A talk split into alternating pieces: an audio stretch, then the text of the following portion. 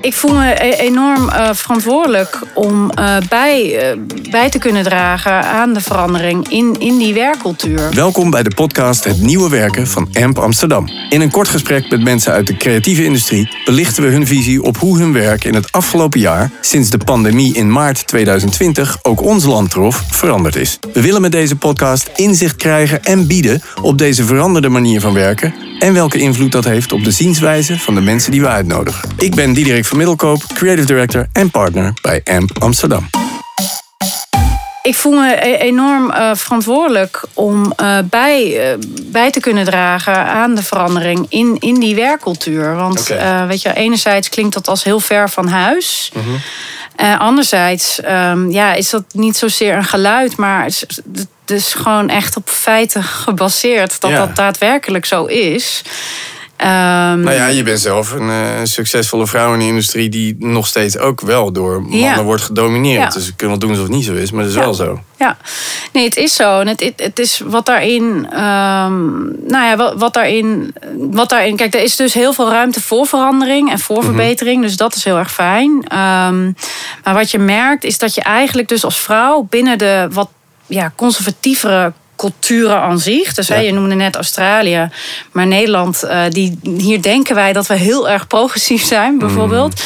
Maar we zijn eigenlijk nog, lopen we daar best wel een beetje uh, um, in, in achter. En zijn we nog heel erg conservatief in hoe we überhaupt onze cultuur uh, hebben ingericht en onze werkcultuur. En een, heel klein, een hele kleine voorbeelden daarvan zijn, weet je wel, dat je nog steeds je loonheffingskorting krijgt op de minstverdienende partner. Dat, uh, hè, dat je je verlof opnemen als man, dat is eigenlijk best wel een beetje een, uh, ja. nou, een heet hangijzer. In plaats van een, een, verlossing om bij te kunnen dragen aan het gezinsleven, is dat van ja, ga je dat dan doen? En mm -hmm. moet je dan niet inleveren? En et cetera. Uh, dus er zijn, heel weinig, er zijn eigenlijk heel weinig prikkels. Mm -hmm. om, om als vrouw je ook te kunnen, goed kunnen bewegen in, in topmanagement of in, of in middenmanagement. Uh, omdat maar hoe die kom beloning. Jij daar, merk je dat onderbewust of zijn dat heel praktische dingen waar je ja. zelf tegenaan loopt? In je ja, carrière? nou je merkt dus, want ik vond het voorbeeld wat jij gaf van, uh, weet je wel, dat dubbel zo hard moeten werken eigenlijk. Mm -hmm. um, uh, dat, dat klopt. dus dat is, dat is, je merkt dat je je wat meer moet bewijzen en niet zozeer. Uh, hè, dat je daar uh, tastbare uh, voorbeelden of bewijsstukken van hebt. Maar voordat je serieus wordt genomen, dan de gemiddelde doorsnee witte cisman, om maar even met ja. populaire termen ja. te strooien. Merk je gewoon dat je ja, dus inderdaad vier tot vijf keer zult, zult moeten bewijzen in een week of, of met een presentatie. Of het komt als een soort van bijna verbazing van... goh, vrouw, je hebt ook talent. Mm. Uh, en waar kom je eigenlijk in ene vandaan? En we hebben jou eigenlijk nog nooit eerder gezien. Maar dit zijn allemaal... Ik denk dat het, dat het nog ineens zo heel erg veel met onwil te maken heeft... maar met een soort unconscious bias. Ja. Dus dat je, omdat je allemaal exact hetzelfde eruit ziet. Dus je bent al heel lang binnen de creatieve industrie. Ben je allemaal, uh, ben je allemaal wit, en ben je allemaal man en ben je allemaal hetero. Dus ja, als er dan een, een figuur in de kamer zit die daarvan afwijkt, om even zo te ja, daar kijk je dan zo naar van goh. Ja. ja, dat hebben we eigenlijk nog nooit eerder gehoord. En dat begint al bij vrouw zijn. Ja, en, en kun, kun je dat dan wel vertrouwen? En, en dat zijn allemaal hele normale uh, uh, gedragingen. Die zijn helemaal niet, uh, ja, dat is helemaal niet gebaseerd op, op per se een kwade intentie. Maar je merkt daardoor dat je dus ja, onbewust heel erg veel te maken hebt. of dat onbewust heel veel seksisme is en ja. veel racisme op, op de werkplaats. Zolang je dat dus niet bespreekbaar maakt. Van goh. maar goed, om, om terug te gaan naar dat voorbeeld. Ik had, uh, ik had daar zelf, omdat ik natuurlijk in de creatieve industrie werk. Toen dacht ik van ja, als ik dan kijk naar mijn eigen carrière en een beetje kijk naar van wat zijn nou cijfers daaromheen. Ik heb nog nooit uh, een vrouwelijke creative director boven me gehad. En als je dan bedenkt dat van 70% van de creatieve, vrouw, vrouwelijk creatief, um, heeft dat ook nog nooit gehad. Ja, dat is bijna onvoorstelbaar. Als ik andersom die vraag zou stellen aan een mannelijke creatief... ja, die, die, nou, dat zou dan dus ongeveer 90% wel zijn. Die zegt, ja. ja. nee, ik heb altijd een man boven me gehad, weet je wel. En dat is dan bijna bijzonder. Ja. En dat blijft me fascineren. Dat je denkt, oké, okay, maar als je dan kijkt naar de populatie... gewoon naar de samenleving, naar de wereld... vormt dus 50% van de wereldbevolking is vrouw... Ja. Maar als je dan kijkt naar de daadwerkelijke cijfers in de werk, hè, gewoon in, in, in de werkplaats uh, en binnen de industrie.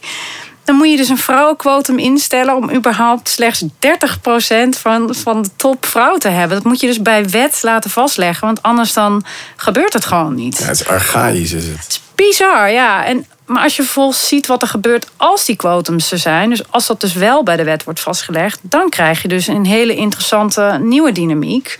In Duitsland is dit al, eh, hebben ze dat quotum al. Maar ook in, eh, in Scandinavië, maar ook in Italië en, en in mhm. Frankrijk. En dan zie je dus dat, dat je een, echt een soort kweekvijver krijgt. En het is natuurlijk heel erg logisch dat op het moment dat je leiderschap ziet, waarin je jezelf ziet, dat dat jou dan ook uitnodigt om zelf uh, te denken van goh. hey, dat heb ik mezelf eigenlijk nog nooit eerder gezien. Nou, dat uh, is, daar denk ga ik, voor. Dat is de grote, uh, of denk ik, een, een, dilemma wat erbij komt. Dat du moment dat jij maar geen voorbeelden ziet dan acht je jezelf misschien ook niet goed genoeg. Dus er zit daar ook een, ja. een unconscious bias wordt gevoed 100%. voor iemand die wil groeien. Ja, want, je, ja, want je, het is niet alleen dat je een voorbeeld bent. Hè, mm want, want het is natuurlijk heel erg fijn als je een voorbeeldrol kunt hebben of een enorm goede mentor uh, kunt zijn voor, voor jonge opkomende mensen of, of ouderen, uh, voor dat matter. Maar uh, ik denk dat het inderdaad op dat onbewuste niveau van mm -hmm. echt het voorbeeld hebben van. Dus dat je voor het eerst jezelf ziet in iemand ja. op een positie die je daar nog nooit eerder hebt. En dat je denkt, oh, dit kan ik dus ook. We gaan meteen heel hard. Bij ons in de studio is Anne Koning, uh, kerstverse managing director van bureau Granny. Uh, Anne, we zitten er meteen middenin. Hartstikke leuk en gezellig. Um, gloednieuwe rol. Net uh, volgens mij het nieuwe kantoor in Amsterdam-Noord ingetrokken. Lintje door mogen knippen, ja, zeg maar. Ja, ja, ja. Um, Granny, dat vraagt natuurlijk iedereen. Waar komt, uh, waar komt de titel van het bureau vandaan? En leg even uit. Ja, Granny is... Het, is een, het hoofdkantoor zit in Berlijn. Mm -hmm. en het is, het, is, het, is, het is natuurlijk geen Duitse naam verder. Het staat echt voor oma. Um, En het is ooit bedacht uh, door, uh, ja, door, door de founders op een uh, avond met wat drankjes. Van ja, wie, en wie, van wie, wie zijn nou belangrijke mm. mensen geweest in je leven? En wie zijn eigenlijk de overdragers, oh, de, over, oh, oh, de mensen die kennis overdragen en cultuur overdragen binnen um, ja, uh, binnen je familie. Ja. En daar kwam heel snel uit van ja, that's Granny. Uh, en Granny knows best. Ja, um, dus daar, daar is het op gebaseerd. Uh, en het stiks, want iedereen wil dat graag weten. Is het, uh, is het Granny Smit of is het, weet ja. je wel? Ja. Is het een appel of is het een oma? ja. ja. Um, uh, nou ja, te gekke nieuwe functie. Granny specialiseert zich in lifestyle en entertainment. Zo betitel je jezelf ook. Um, kan je dat een beetje toelichten? Hoe is dat anders dan andere bureaus? Ja, zij zijn um, uh, Granny. Wij zijn. Uh, ja, wij. Ja, ik mag wij zeggen nu. Ja, officieel als MD. Ik moet toch even nog een beetje aan wennen. Um, ja, Granny heeft zich eigenlijk uh, vanaf begins af aan al heel erg gespecialiseerd door middel van de klanten met wie ze werkte. Dus mm -hmm. dat, dat is Netflix, dat, ehm, dat is Amazon, dat is een Sky, maar ook Nike en Spotify, mhm. Facebook. Ja. Dus dat waren eigenlijk van, vanaf het allereerste begin waren dat merken die eigenlijk in het midden van de samenleving staan als het gaat om, om, om lifestyle. Ja. Um, uh, dus daar komt, dat, daar komt dat echt vandaan. En de, ja, de founders hebben eigenlijk ook, uh, waaronder ik zelf, ook echt die achtergrond. natuurlijk wel heel erg gevarieerd dan. Hè, zowel vanuit de journalistieke hoek als nou ja, ik zelf natuurlijk echt puur uit tv-entertainment komt. Maar dat, dat, dat is de gemengde deler.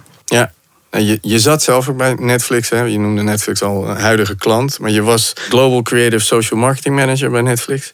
Uh, hoe kijk je terug op die tijd? Want Netflix is natuurlijk een bijzonder beestje. Wat, wat heb jij geleerd zo in de afgelopen... Nou, we hebben ook nog een coronajaar gehad, ja, dus dat maakt alles nog bijzonderder. Ja. Gooi het maar op een hoop. Wat is er allemaal gebeurd?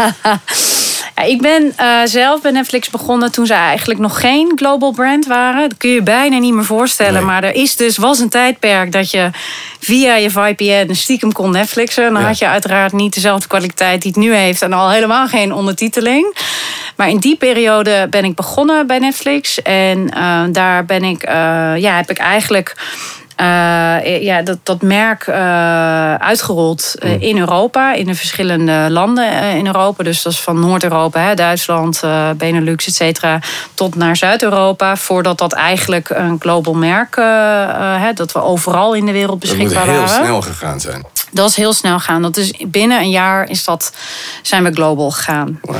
Uh, ja, dus dat was echt uh, een mega, uh, ja, mega project. En dan leer je ook echt heel erg veel. Omdat je echt, ja, you hit the ground running, laat ja, maar zeggen. Precies. Zoals dat dan toen veel, veel werd gezegd.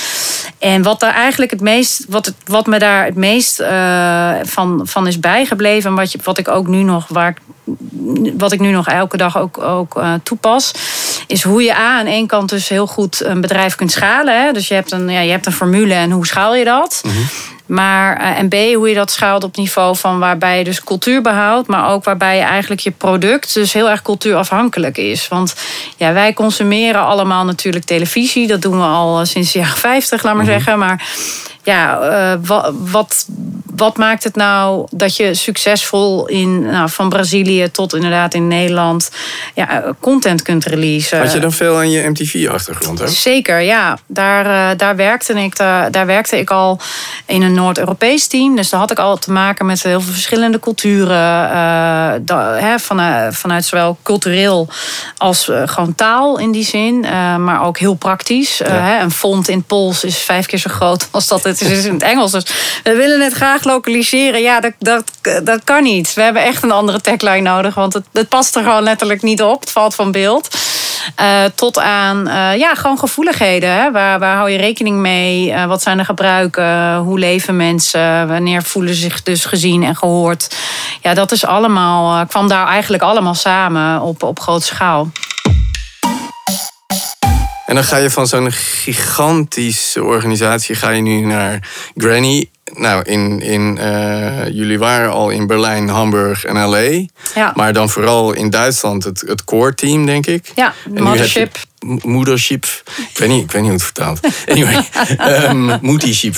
Um, uh, en dan nu heb je misschien een handjevol... Of ben je aan het huren? Ben, ben je aan het groeien? Kun je iets vertellen over, over hoe die ontwikkeling is geweest? Ja, kijk, ik heb natuurlijk jarenlang met Granny al samengewerkt. Want zij waren al uh, een verlengde in die zin. Uh, toen ik nog aan de Netflix-kant zat, precies. deden zij ook veel campagnes. Je was al klant. Ja, precies. Dus we werkten al heel erg veel... Ja, in die zin al, al veel samen.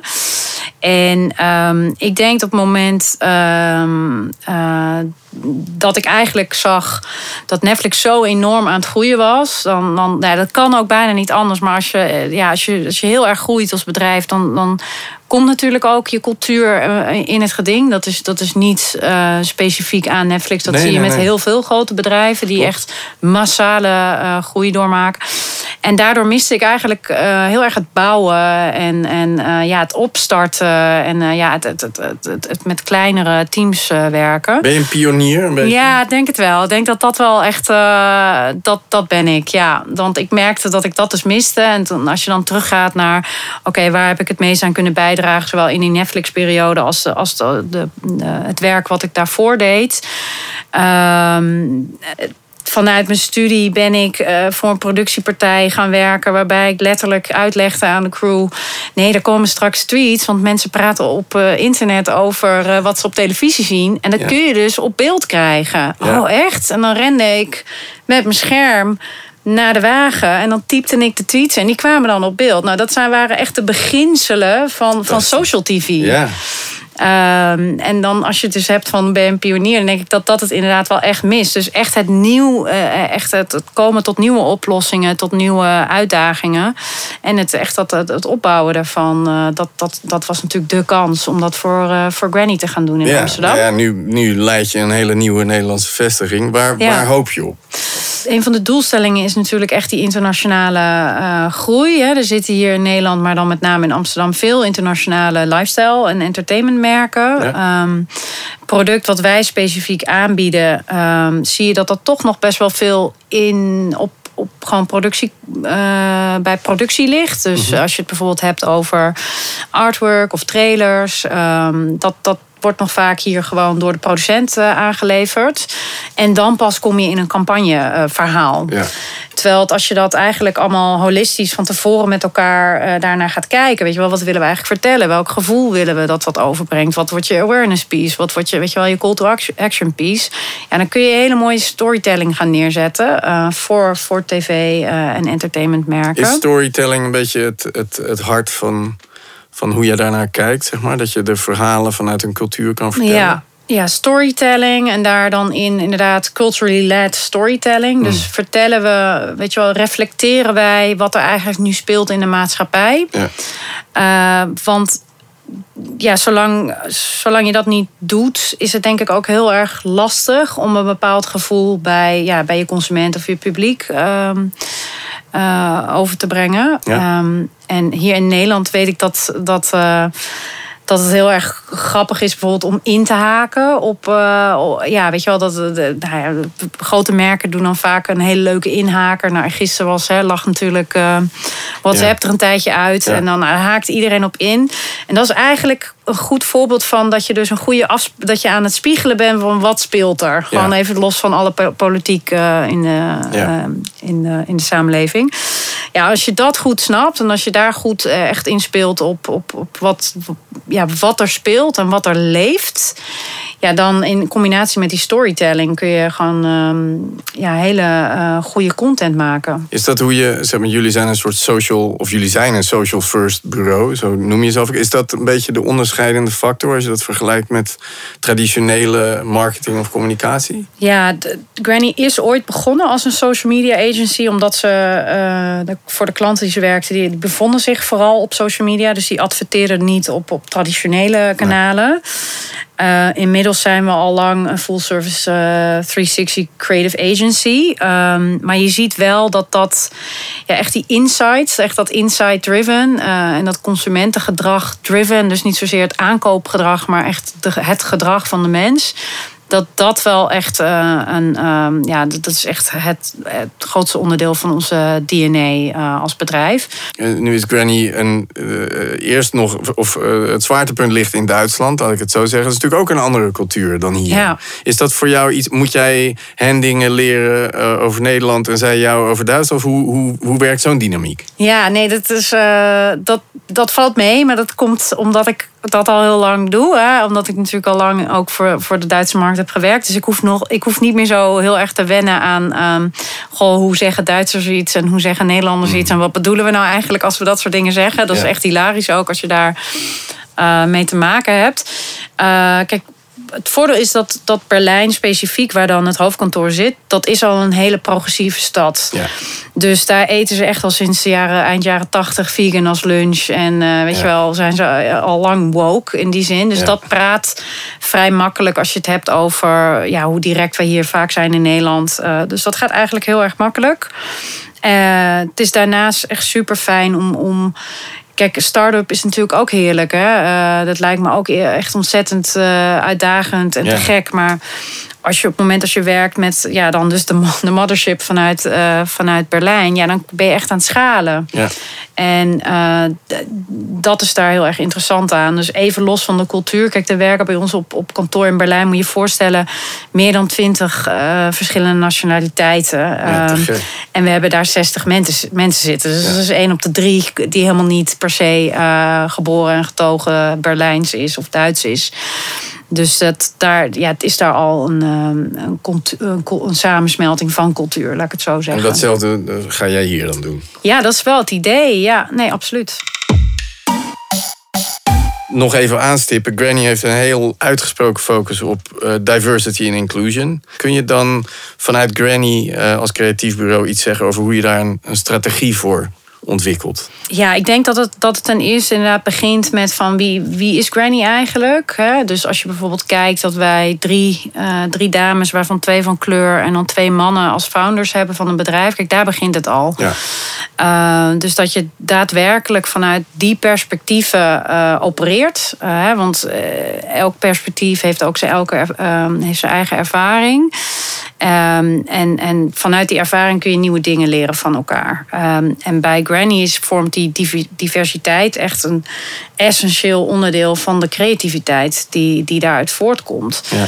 En ik denk, als je kijkt nu naar hoe, hoe ontzettend hot dat topic is hier, uh, hier in Nederland. Het is natuurlijk overal eh, op het moment een hot topic. Maar in Nederland word je er dan nu veel mee geconfronteerd als je een eigen business hier opent. En mensen natuurlijk komen solliciteren. Ja, ja, dat, ja, dan ga je dus voor nu vanuit Granny um, ga je specifiek daarop letten. Want je bent ook aan het werk met klanten of met producten.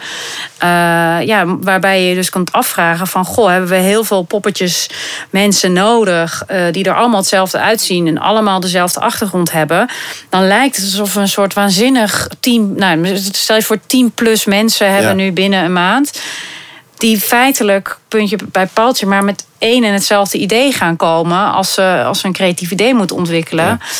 Uh, terwijl dat als je dus het moment dat je een uh, verschillende samenstellingen hebt van creatieve mensen, dan heb je misschien wel vijf ideeën uh, met slechts vijf mensen. Ja. Dus dat, ja, je deelde een heel mooi, volgens mij een stukje interview. Ik ben even vergeten met wie het is. Maar in dat interview zegt iemand inderdaad van ja, als ik een, alleen maar een team van sprinters nodig heb die heel snel moeten zijn, dan heb ik vijf keer Hussein Bolt nodig. Ja. Maar voor een complex probleem uh, heb ik meerdere kleuren, letterlijk meerdere kanten ja. van het verhaal nodig. Dat, dat is waar je op doelt. Dit is, ja, dit is, uh, dat is een Harvard-professor. die uh, geeft daar een hele, hele goede lezing over. Hoe heet die man, weet jij het? Ja, ik ga het even opzoeken ook voor okay. je. hij heet Edward, met zijn voornaam. Dat is een, hij is ook op TikTok. Dus daar, zo, zo oh, ja. zag ik het voorbij komen. Als oude TikTok-lurker dat ik ben.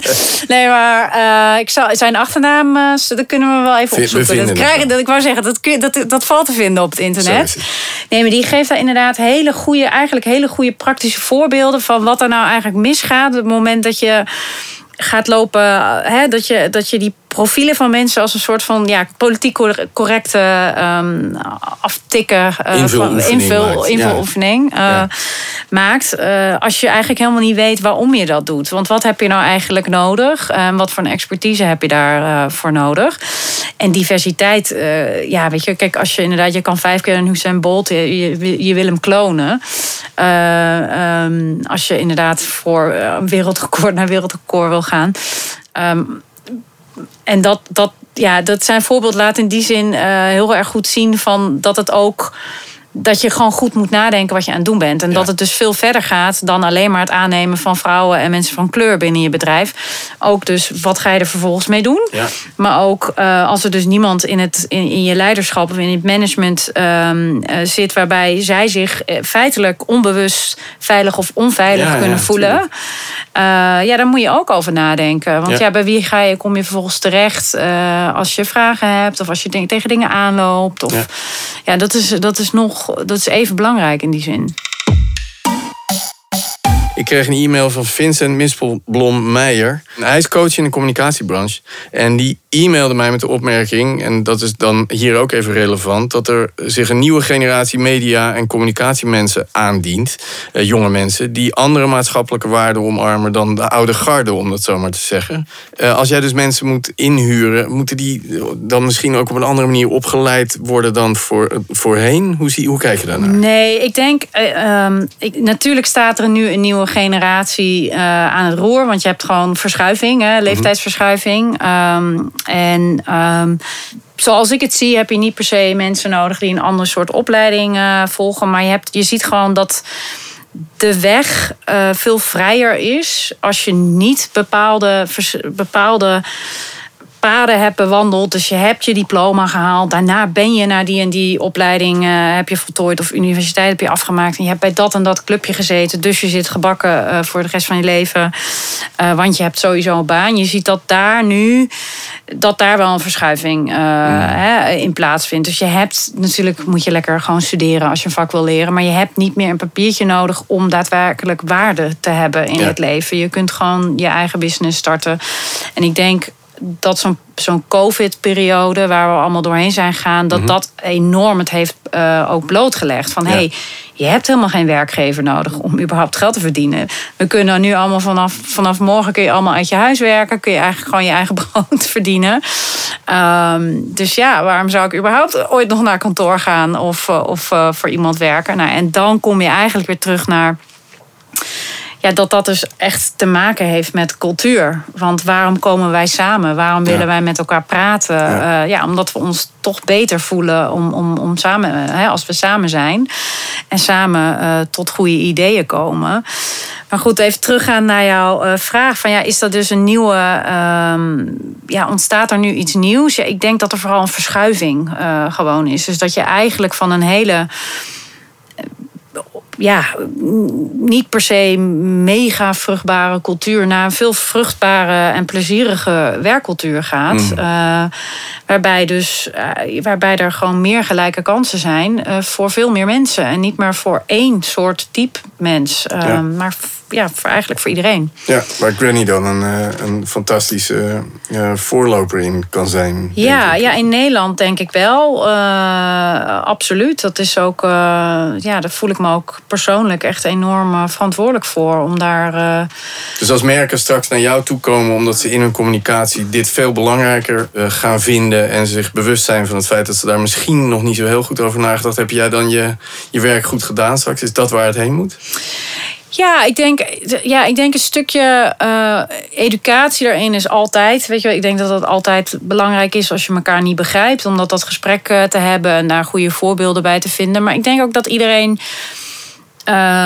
naarmate dat je een soort van ja, uh, het, het, laat zien, hè, wat dat dan inhaalt, dat het dan ook wat tastbaarder wordt. Dus dat dan dat engige of zo, of dat activisten, acti, dat activisme ideeën eromheen, dat dat mhm. dan een beetje vervaagt. Ik bedoel, is nu even misschien een, eh, een, wat extremer voorbeeld. Maar als je kijkt naar uh, een vrouw als een Sylvana Simons, die, nou ja, mhm. pak een beet twee jaar geleden nog bijna met pek en veren trouwens nog steeds wordt, wordt deze vrouw met het doopbedrijf. Een stad wordt uitgeveegd, gewoon puur en alleen omdat zij goede ideeën heeft en, en eigenlijk zich heel erg goed kan verwoorden. Ja. En nog steeds, hè. En dan als je dan leest op social media dat mensen zich dus verbazen. God, is eigenlijk wel iemand echt van de inhoud. Dan denk je, ja, daar hebben we echt nog lange weg te gaan. Maar goed, dat, is de, dat is de verschuiving waar we nu in zitten. Is dat een nieuwe generatie? Ja, maar het is ook een verschuiving van cultuur. Waarbij we mhm. ons gewoon letterlijk veel meer openstellen voor andermans mening en andermans perspectief. Um, ik wil het ook een beetje over muziek hebben, maar niet heel diep natuurlijk. Maar je zit hier in onze studio en ik durf met mijn hand op hart te zeggen dat muziek van nature zo mogelijk het meest inclusieve communicatiemiddel is. Een van de redenen dat ik er zelf altijd graag werkzaam in ben geweest. Uh, is muziek belangrijk voor jou? Ja, heel. Ja, het is natuurlijk bij uitstek een, pro, een product. Je bent er ook bij eh, MTV ooit naar ja, binnen nee, ja, voor niks. Ja, nee, absoluut. Uh, ik denk, uh, kijk, MTV is nu, uh, is nu een soort van oude mensenmerk. Uh, maar meer. ja, dat was vroeger natuurlijk ongeveer je eerste toegang tot ja. populaire het is cultuur. dat je dat nu zegt, hè, dat je dat nu een oude mensenmerk ja. vindt. Nee, dat is nog niet zo heel lang geleden. Nee, dat maar MTV is echt... voorloper was van alles wat maar muziekcultuur Het is bizar. En het is ook onterecht dat ik het een oude mensenmerk noem. Maar er komt nee, meer ja. van uit. Nee, maar als in, het is natuurlijk een fantastisch merk. Maar er is geen, geen 16-jarige op de nee. wereld die daar nu naar kijkt. En nou, dit was voor mij de, de mijn toegang. weten niet wat het is, dat weet ik zeker. Nee, nee, nee. ja, nee, joh, dat, nee, uh, hetzelfde uh, voor, voor mijn kinderen. Maar meer, dat was, ja, dat, dat, was instant toegang tot, tot populaire cultuur. En alles wat vet en cool was, kon je op MTV zien. En dat was zo spannend. Um... Ergens ben je ook een beetje een journalist of gewoon hongerig naar actualiteit en wat er speelt en trends en noem maar. Was dat ook de liefde voor MTV destijds? Ja, ja, ik denk het wel. Er, is, er heeft altijd een bepaalde trendgevoeligheid of, of het, het volgen, instinctief volgen van, van trends, maar het ook in die zin een beetje kunnen aanvoelen van mm. what's next. Ja. Dat, heb ik altijd, uh, dat heb ik altijd inderdaad wel gehad. En ik, ik volgde ook uh, he, mode en musea. Ja. Uh, zijn er natuurlijk voorlopers in. Dat fascineerde me altijd enorm. Dat ik dacht, oké, dus wat je dan nu ziet bij bepaalde shows van bepaalde kledingmerken, dat gaan we dan pas volgend jaar allemaal dragen. Ja. Maar hoe dan? Ja. Hè, maar als je het dan hebt over muziek. Ja, kijk, ik ben al twee jaar niet meer fatsoenlijk echt uit geweest aan een club. Wij allemaal. Uh, maar ja, daar op, zo'n op een dansvloer gebeurt het natuurlijk. Als je het dan hebt over cultuur en waar, waar iets ontstaat. Hè, en hoe dat dan gebeurt dat is natuurlijk super fascinerend. En dat heeft me altijd enorm gebeurd. Was je uh, een clubber altijd? Ja, ik was zeker een clubber. Ehm, en uh, ik heb dus ook heel erg zin in het Amsterdam Dance Event, wat voor de deur staat. Ja. Ehm, maar uh, ja, nee, ik heb, ik heb altijd met heel veel plezier ook ehm, in de clubwereld ook wel gewerkt. En met, met, met veel artiesten ook samengewerkt. Ja, ja, zij reflecteren als eerste wat er speelt in de maatschappij. Dus dat is gewoon, ja, dat heb, heeft me altijd heel erg geboeid. Ja, ik kan me ook voorstellen dat social media, influencers uh, en dat daar een cirkel omheen, daar beweeg je, je natuurlijk eigenlijk heel goed en gemakkelijk in. Ja, en kijk, een influencer was zeker in de begintijd. Kijk, nu is er bijna een soort van paid media uh, medium. Maar in het begin, uh, kijk, dat, dat waren gewoon populaire mensen die op een hele een hele korte periode eigenlijk een hele grote groep mensen wisten bewegen. Ja, dat is natuurlijk interessant als die het in één over je merk hebben. Uh, maar het is alweer veel minder interessant als je doorhebt dat ze eigenlijk helemaal jouw merk niet consumeren in het echt. Dus dan, dan uh, ja, dat, dat, je merkt dat dat jammer is dat dat soms daar naartoe is gegaan. Maar ja, mensen die andere mensen inspireren, dat is natuurlijk ja, Wordt dat nog een keer, gaan, gaan die, de, jonge generatie, zeg maar, nu klink ik ook oud, maar gaan die nog een keer echt afknappen op dat influencer verhaal? Dat het zo, dat, dat het zo alom vertegenwoordigd is. Ik denk dat dat belletje al wel uh, denk twee, drie jaar geleden is gebarsten. Toen de code reclame, de, de uh, commissie reclamecode, um, uh, eigenlijk heeft, heeft toen verplichten dat als dus ja, vloggers, bloggers, YouTubers, ja, eigenlijk advert, verkapte advertentie voor een product, dat ze dat mhm. erbij moesten gaan zeggen. Ja, Omdat je gewoon heel veel jonge kinderen, ja, dus verkapt iets verkoopt, omdat ze gaan doen wat hun held doen. Maar het is natuurlijk een mechanisme dat bestaat ook al zolang als advertentie, advertenties maken bestaat. Vroeger werden er dokters op posters afgedrukt met sigaretten in hun handen. Nee hoor, je kan makkelijk een peuk roken. Want Rook, roken is, is helemaal niet slecht. als je een longoperatie aan het doen bent. Ja, is helemaal niet slecht. Ja, dat waren de influencers van toen. Ja, dat is ook best bezwaarlijk als je nadenkt. Zeker, ja. maar wat ga, je, wat ga je straks als eerste doen? De ADE, zei je al? Ja, ADE. Ja, ik ben natuurlijk weer te laat. Uh, en zeker na twee jaar volledig af, afgeknepen te zijn geweest van inkomsten ben ik de laatste die durft te gaan mailen of sms'en. Goh, heb je nog, heb een... Je nog een plekje? dat zie dus je. ja, nee, ja, dat, dat kan bijna niet. Ik denk, ja, hoe dan? Want die mensen moeten toch ook allemaal weer wat gaan verdienen. Maar ik hoop dat ik inderdaad nog via uh, wat oude bekenden en vrienden ergens naar binnen kom betaald. maar ik heb er echt volledig naast gevist. Ik heb wel een concert in het Paradiso op de agenda staan. Okay, ja. Waar ga je heen? Ja, naar Donny. Ah, te gek. Ja, love him. Ja, oh. te gek. Over influencers gesproken. Ja, ja, ja, interessante man. Ja, ja. Nou, superleuk. Uh, heel fijn dat je even bij ons wilde komen. Ja, uh, ik wens je enorm veel succes in je nieuwe functie. Het wordt ongetwijfeld geweldig. Ja, we houden je op de hoogte. Kom langs, zou ik zeggen. ga ik zeker doen. Ja, gezellig. Dankjewel voor het luisteren naar de podcast Het Nieuwe Werken van AMP Amsterdam. Graag tot de volgende.